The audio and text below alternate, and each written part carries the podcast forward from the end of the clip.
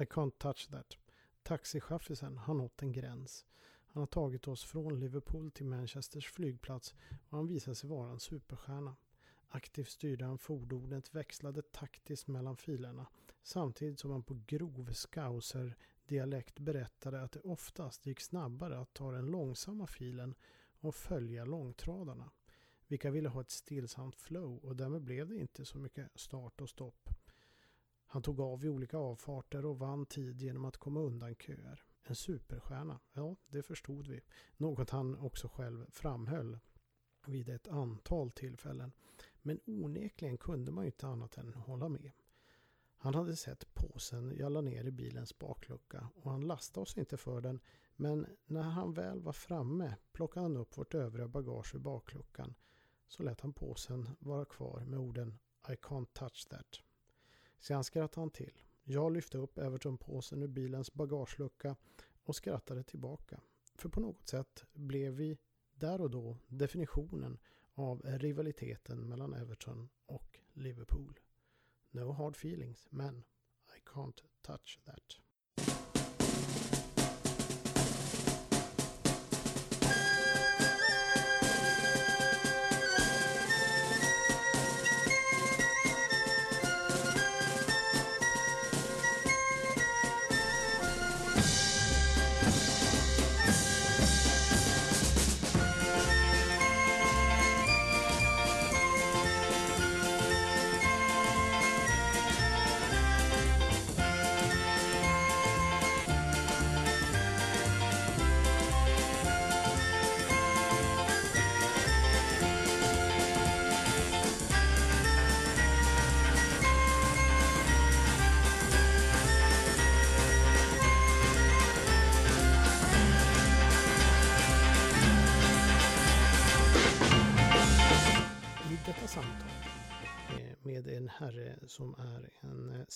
Stark Everton-supporter får vi även möjlighet att lyssna till, eh, och hur jag nu får uttrycka det, två luttrade Everton-supportrar eftersom jag också är en. Som eh, inför en match lärt sig att inte tro särskilt mycket men ändå alltid treva efter hoppet. Vi imponeras av U23-laget även om de förlorade trots sju vinster till dess att vi kom och tittade och vi smyger lite försiktigt runt söndagens match hemma mot Arsenal. När nu detta sänds har vi dock facit eftersom vi spelade in det här på söndag förmiddag. Everton var ju usla mot Lyon på torsdagen eh, och trots att vi där satte och pratade om någon eh, form av hopp till några få minuter i andra halvlek där vi tyckte att det tände till lite grann så är ju det då det där strået som ni kommer att höra i, i podden här som man försöker hålla sig till där det blåser storm. Och söndagens match mot Arsenal, ja den orkar jag knappt nämna. Då jag har aldrig sett ett sämre Everton. Och då har jag ändå sett en hel del risiga matcher genom årens lopp. Managern Ronald Koeman fick sparken i måndags och U23-coachen David Unsworth har redan lett laget i en ligacupmatch faktiskt den första cupmatch som få Everton-supportrar egentligen, eller ingen Everton-supportrar sannolikt brydde sig i resultatet. Vi förlorade med 2-1 mot Chelsea, men andra halvlek värmde. Det fanns nämligen tecken på att laget hade någon form av spelidé och vilja. Så långt har det faktiskt gått. Förvirrade spelare som varken vetat ut eller in, ledda av en manager som sannolikt känt detsamma.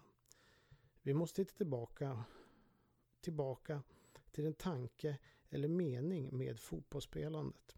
Att hitta tillbaka till vårt forna förflutna. Något vi nostalgiker drömt om sedan 1990-talet, i, i alla fall i Evertons fall. Och det lär väl inte hända. Men hitta något bör vi väl ändå göra. Och Erik Promell, som jag kommer att prata med, han är Swedish Toffees ordförande. Han fanns i Everton redan på 70-talet och nu är det dags för honom och mig att bege oss in i tre avsnitt långt samtal där vi pratar supporterliv och bästa älvor. Vi startar som vanligt med Eriks egen supporterbakgrund och om Swedish Toffees.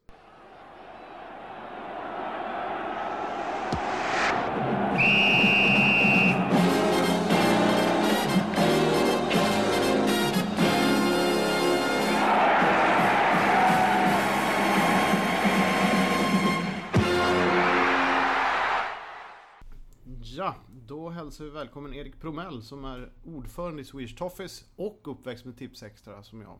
Eh, vi är ju här under en lång helg i Liverpool på Merseyside och sitter på ett kallt hotellrum och har väl frusit egentligen hela helgen hittills. Det har varit flera matcher. Ja, det har blåst och, och kallt och regnigt. Ja, och eh, vad började med? Det började med en match på torsdagen. Everton-Lyon. Ja, jag kom hit till Liverpool torsdag lunch. Började då bli van med det här kalla vädret. Ja. Laddade upp lite inför matchen och sen var vi och tittade på den här matchen som var, ja, frustration mycket. Ja, den var rätt tråkig rent spelmässigt. Andra halvlek var väl lite mer engagemang, men ja. första var liksom flytta boll fram och tillbaks i backlinjen ungefär. Everton vann, Everton vann inte. Everton förlorade med 1-2 mot Lyon och är väl i princip ute från möjligheter att ta sig vidare. Ja, som den optimist man är så tar vi ju nio poäng till och ja, lyckas självklart. vidare. och sen på, på eh, fredagen, då tog du med mig till Goodison Park och dess inre och där träffade vi Henry Mooney som jobbar där för...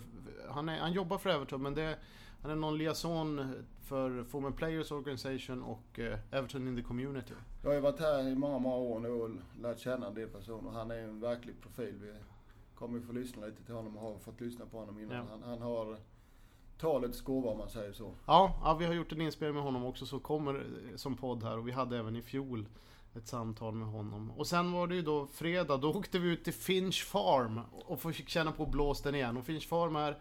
Evertons eh, träningsanläggning som man har haft nu i tio år. Innan hade man ju Bellefield som byggdes i mitten på 60-talet. Det var state of the art och det kan man väl säga att den här också var och är ju fortfarande fantastiskt fin. Men det är väldigt blåsigt ställe. Mycket blåsigt. Och där, där pinar vi oss igenom en U23-match. Ja. De har ju vunnit, innan denna matchen, har vunnit ja. sju raka. Så kommer Swedish Toffees dit så blir det förlust. Ja, 0-1. och vi fick faktiskt se en svensk spelare i Sandland också, Joel Asori. Så. Ja, och han var rätt bra ändå. Ja, en liten snabb kille. Ja.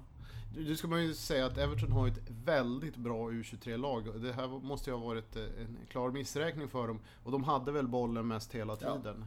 Ja. Eh, men sen så stack Sunderland upp i slutet och spelade riktigt bra försvarsspel också. ja, det gjorde de. Men Everton hade också, jag var rätt imponerad av deras mittbackar. Ja, de var riktigt bra. Sunderland kom ju egentligen bara till den här chansen och den gjorde de mål på. Så det, det är lite... Och ska man vara riktigt ärlig så tycker jag att U23-laget spelade ju mycket bättre fotboll och ändå i rätt högt tempo än vad A-laget gör. Edvin Koman var ju där och tittade så han kan försöka lära sig lite. Ja, förhoppningsvis. så det var vi, Swedish Toffees och en massa scouter som satt där och, ja. såg på, på matchen. Och sen eh, så var det lite olika saker igår. Vi åkte över till Manchester och såg på Manchester City Burnley. Men du var kvar här. Jag var kvar här. Men du åkte inte och såg Prescott Cable som Nej, jag var några utav våra supportrar som var och tittade på Prescott Cable som vann 3-2. Och deras stora stjärna heter tydligen Harry Kane. och de spelar i någon League eller? Ja, en äh, Djupt ner. Ja. I, i systemet. Och sen hade vi då den traditionella kvällen på The Players som är en pub som har en övervåning där det är draperat med Everton-prylar. Ja, som är, det är en festvåning kanske. Ja. Det, är, det är liksom inget lyxigt ställe utan det är... Men det är trevlig atmosfär och det, vi var ju 80 personer där och det får ju plats 60 där egentligen. Så att eh, det var, det var, och sen hade vi den årliga frågetävlingen. Ja. Där vi får läxa upp medlemmarna ja. att de har lite för dåliga kunskaper. För den som ja. vann hade fem av tolv. Ja, jag har varit med och gjort fyra av dem. Du har varit med och gjort fyra av dem. Ja. Eh, och så Tobbe då, som också är med i Swedish Toffees eh, styrelse, har gjort fyra. Eh, och fem rätt av tolv, det är väl sådär får man säga. För det, och det var för en infödd person från Liverpool. Just det, så var det. Som vann.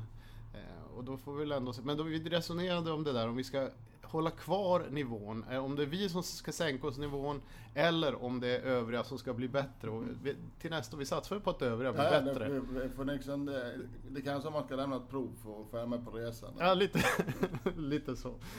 Och idag är det ju då den här stora dagen egentligen. För idag så ska Everton spela mot Arsenal hemma och jag vet inte, det finns väl inga större förhoppningar. Hopp finns ju alltid. Men får, hoppet får ju vara, om man tittar på förra året så var det ju faktiskt efter en lång rad av förluster så eh, lyckas man ju vända mot Arsenal. Ja. Man låg under 1-0 och vände till 2-1. Mm. Så att ja, vi kan ju hoppas på det. Det känns ju inte riktigt som att det är en vändning på gång. Men så är det ju i fotboll. Det går dåligt och det går bra och helt plötsligt så ändrar sig det. Ja. Och när man är på sådana här tillställningar som vi har just den här medlemsresan så Resultaten är inte alltid avgörande. Man har alltid rätt kul ändå så att säga. Fast det, det lyfter ju rejält om det blir ett hyfsat resultat. Och, man, man hade lite känsla av att Goodison lyfte efter 1-1 målet eh, Mm. i torsdags och även stolpte För när Mm. hade det blivit där så hade vi ju vunnit och då hade det kanske lyft alltihop. Så det behöver en lite sån här Någon... turgrej. Och det är väl lite så i lag i, i motgång får en stolpträff och ett lag i medgång hade bollen slunkit in. Ja. För det, det är faktiskt sant. Jag tyckte i andra halvlek mot Lyon då publiken vaknade och då var det där som man, som man vill ha på Goodison. där, Lite tryck. Eh, så att, men vi får se i, idag.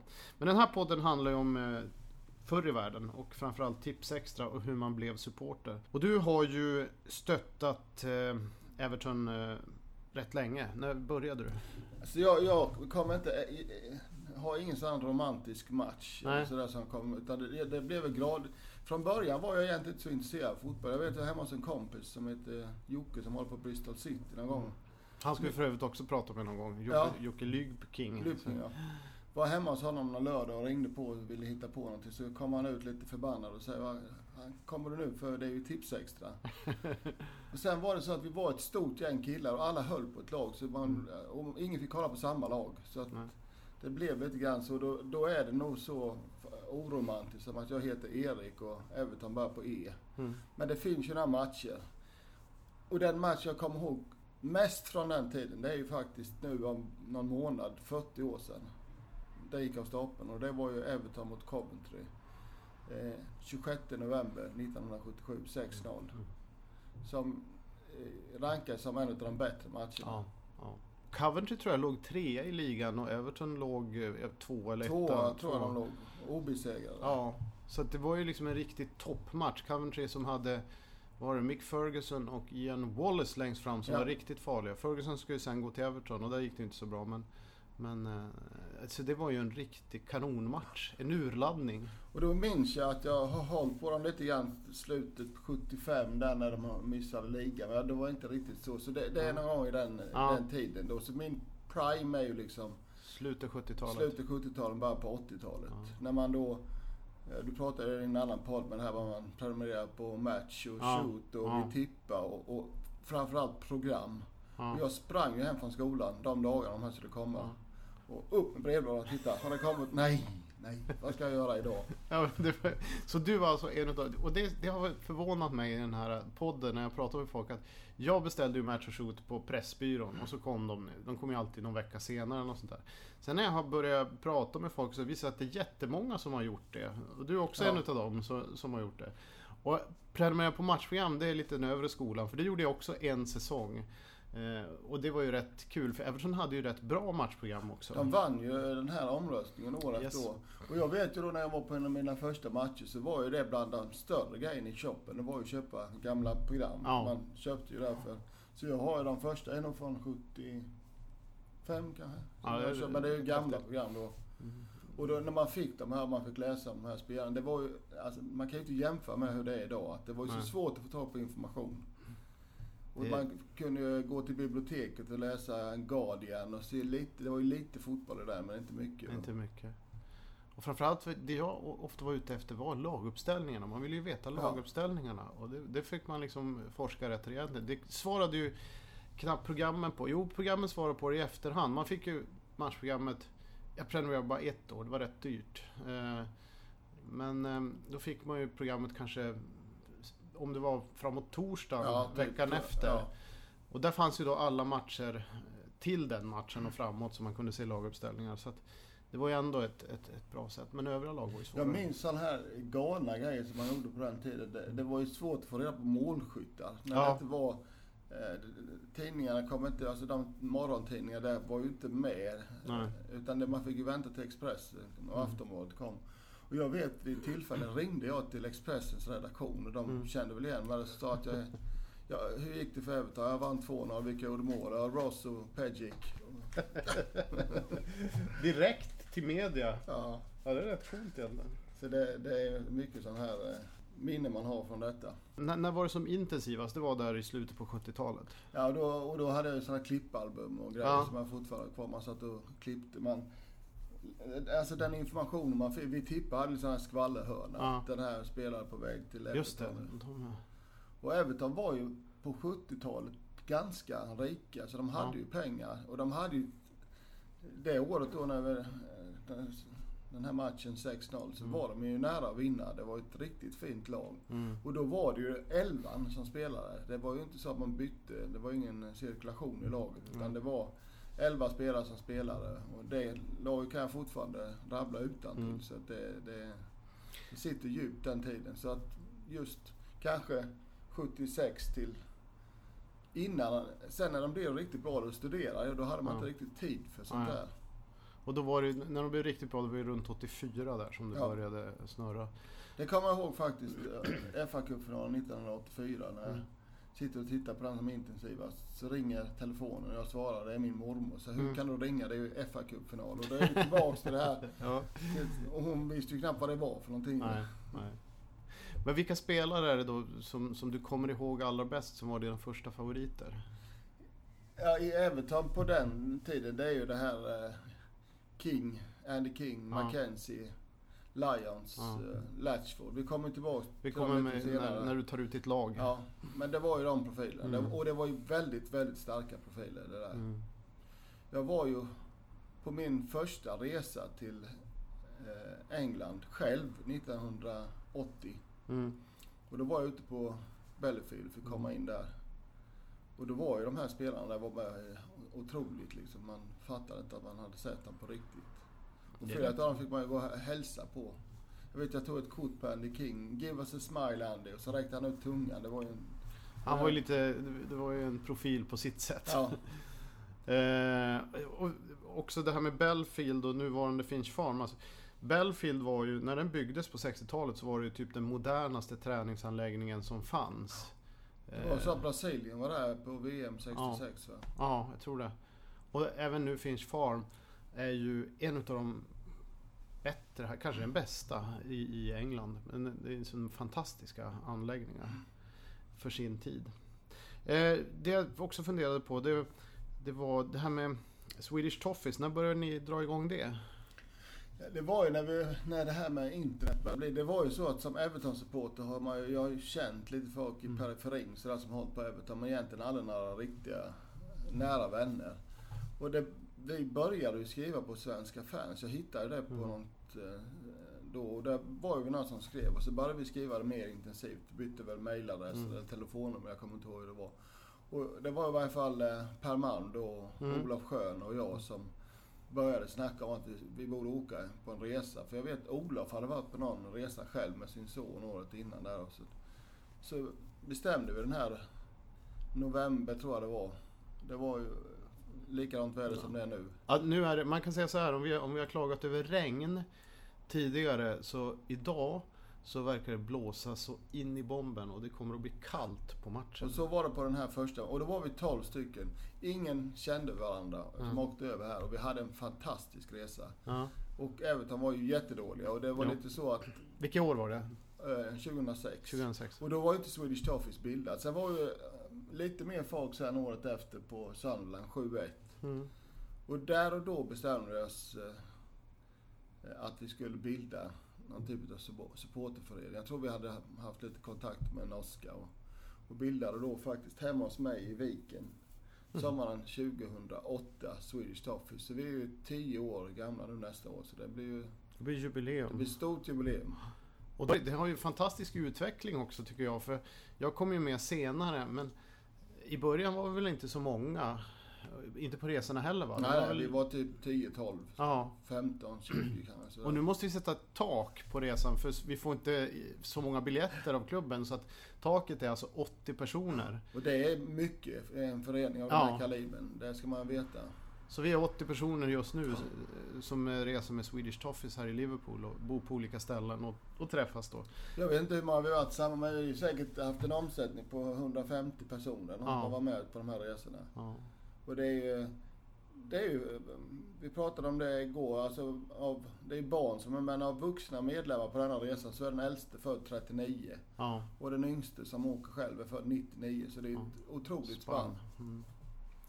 Och där är det så att många av de här supporterklubbarna som inte är de här ah, Manchester United, svenska supporterklubbarna menar då, Manchester United och Liverpool då. Jag vet inte hur det är med, med de övriga, men de två, de har ju liksom Jag kan tänka mig att de har fler yngre medlemmar. Arsenal tror jag också Ja. fler yngre medlemmar. Men här och i många andra engelska supporter, svenska supporterklubbar är det ju fler äldre än yngre. Visst är det så? Ja, ja. Det är det är ju tipsextra-generationen ja vi har ju träffat några uh, Wolves och lite sådana Mm. här. Det är ju, då, då är ju jag ung i de sammanhangen. De Ja. ju många uh, personer som är bra bit över 60 för att de har haft sin... De har ju ingen storhetstid nu. Wolves kanske är på väg uppåt igen. Ja, ja, nu leder de ju The Championship. Och Wolves var ju också ett klassiskt tipsextra-lag. Nu är det, vi har passerat 500 medlems... 515 i år. 515. Det är rätt bra ändå tycker jag. För, för en klubb Vi som har ju en potential på kanske ett par tusen om Ja. vi skulle nå alla. Men det är... Och, och jag, jag tycker ju inte tusen är orimligt. Sen Ja. är det ju klart, ju större vi blir, ju större Ja. organisationer. Vi är ju Ja. väldigt slimmade nu. Vi är Mm. några stycken som Mm. hjälper. Eller framförallt Tobias Dalsjö som Mm. gör ett fantastiskt jobb med alla utskick och sånt där. Det, jag är mest talesperson om man säger så. Men, Ja men du har ju mycket kontakter i klubben också. Ja och sen har viktigt. jag lite kontinuitet, jag har Mm. varit med från början. Och det är, Ja. det är väldigt kul men det, det, man kan inte lägga för mycket tid på detta för man har ju familj och jobb och allt sånt Ja. där. Och det måste vi verkligen poängtera att Tobias gör ju ett jäkla jobb alltså. Ja, helt fantastiskt. Och det är samma sak, allting också när man behöver biljetter och sånt där. Då kan man gå, för han har ju väldigt bra kontakt med de som har hand om biljetterna Ja. och klubben och sånt. Och vi är ju en officiell supporterklubb för, för Everton Football Club. Och det är också någonting som jag är lite imponerad av. Eh, varje gång vi kommer hit. Klubben som ändå, det här är ju en riktigt stor klubb ändå. Det är ett stort varumärke. Och om man åker ut till Finch Farm och ser vilken gigantisk organisation det är. Och så runt Goodison och som du har hela Everton in in the community. De syns ju överallt. Eh, men ändå när vi kommer så ställer de alltid upp Ja. och är alltid jäkligt trevliga. Det är såna här personer som Darren Griffith som är medieansvarig och sådär. De, de känner ju dig och, Ja, och Tobias och ja, häng med gör också. Ja. Och de är ju, eh, alltså, de bet- betraktar en som en personlig vän. ja. Och det, är- jag, och engelsmän är ju fantastiska. Jag kommer ihåg Graham Sharp vid något tillfälle jag hade träffat honom. Så åker jag tillbaka typ ett halvår efter och så Mm. träffar jag honom och han tar kontakt och säger Hello Eric, nice to meet you. How's Mm. your lovely wife? Mm. Så det är helt... Man förstår inte, hur, hur kan han komma ihåg mig? Och det är ju ett, det är ett, det är ett förhållningssätt från klubben att det är viktigt att ta hand om eh, medlemmar. Och de här som kommer hit det är gäster och vi ska behandla dem fint. Så det, det är nästan så man blir tårögd. Ja, jag tycker det är fantastiskt varje gång man är här. Eh, och, där, det är ju framförallt, och där har ju typ du och Tobias, ni blir ju som nyckelpersonerna in i, som, som känner dem Ja. helt enkelt. Och det är ju nödvändigt. Och det här känner jag igen också när man pratar med andra supporterklubbar att eh, det är ju det som är nyckeln in och det är också det som ibland är det, det härliga att, att ni känner ju nu mera sådana som var era idoler tidigare. Ja. Det är rätt fantastiskt. Det är en ynnest. Ja, Ja, men jag tror vi avrundar här eh, supporterskapsdelen. Och sen så ska vi gå in på en massa roliga spelare och så. I nästa avsnitt snackar vi bästa elva. Jag har ju min, som jag tog ut i boken, Tips Extra, klubbarna, matcherna, spelarna. Och Erik har sin, med betoning på hans uppväxt 70-tal. Och då inte bara Everton-spelare kan jag avslöja. Men innan dess tar vi hem.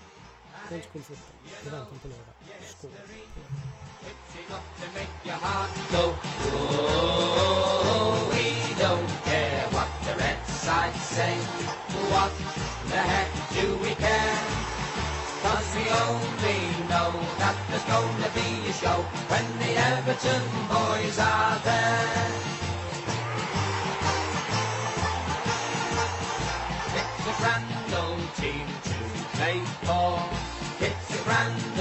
Team to support. And if you know your history, it's enough to make your heart go. Oh, we don't care what the Red side say, what the heck do we care? Cause we only know that there's gonna be a show when the Everton boys are there.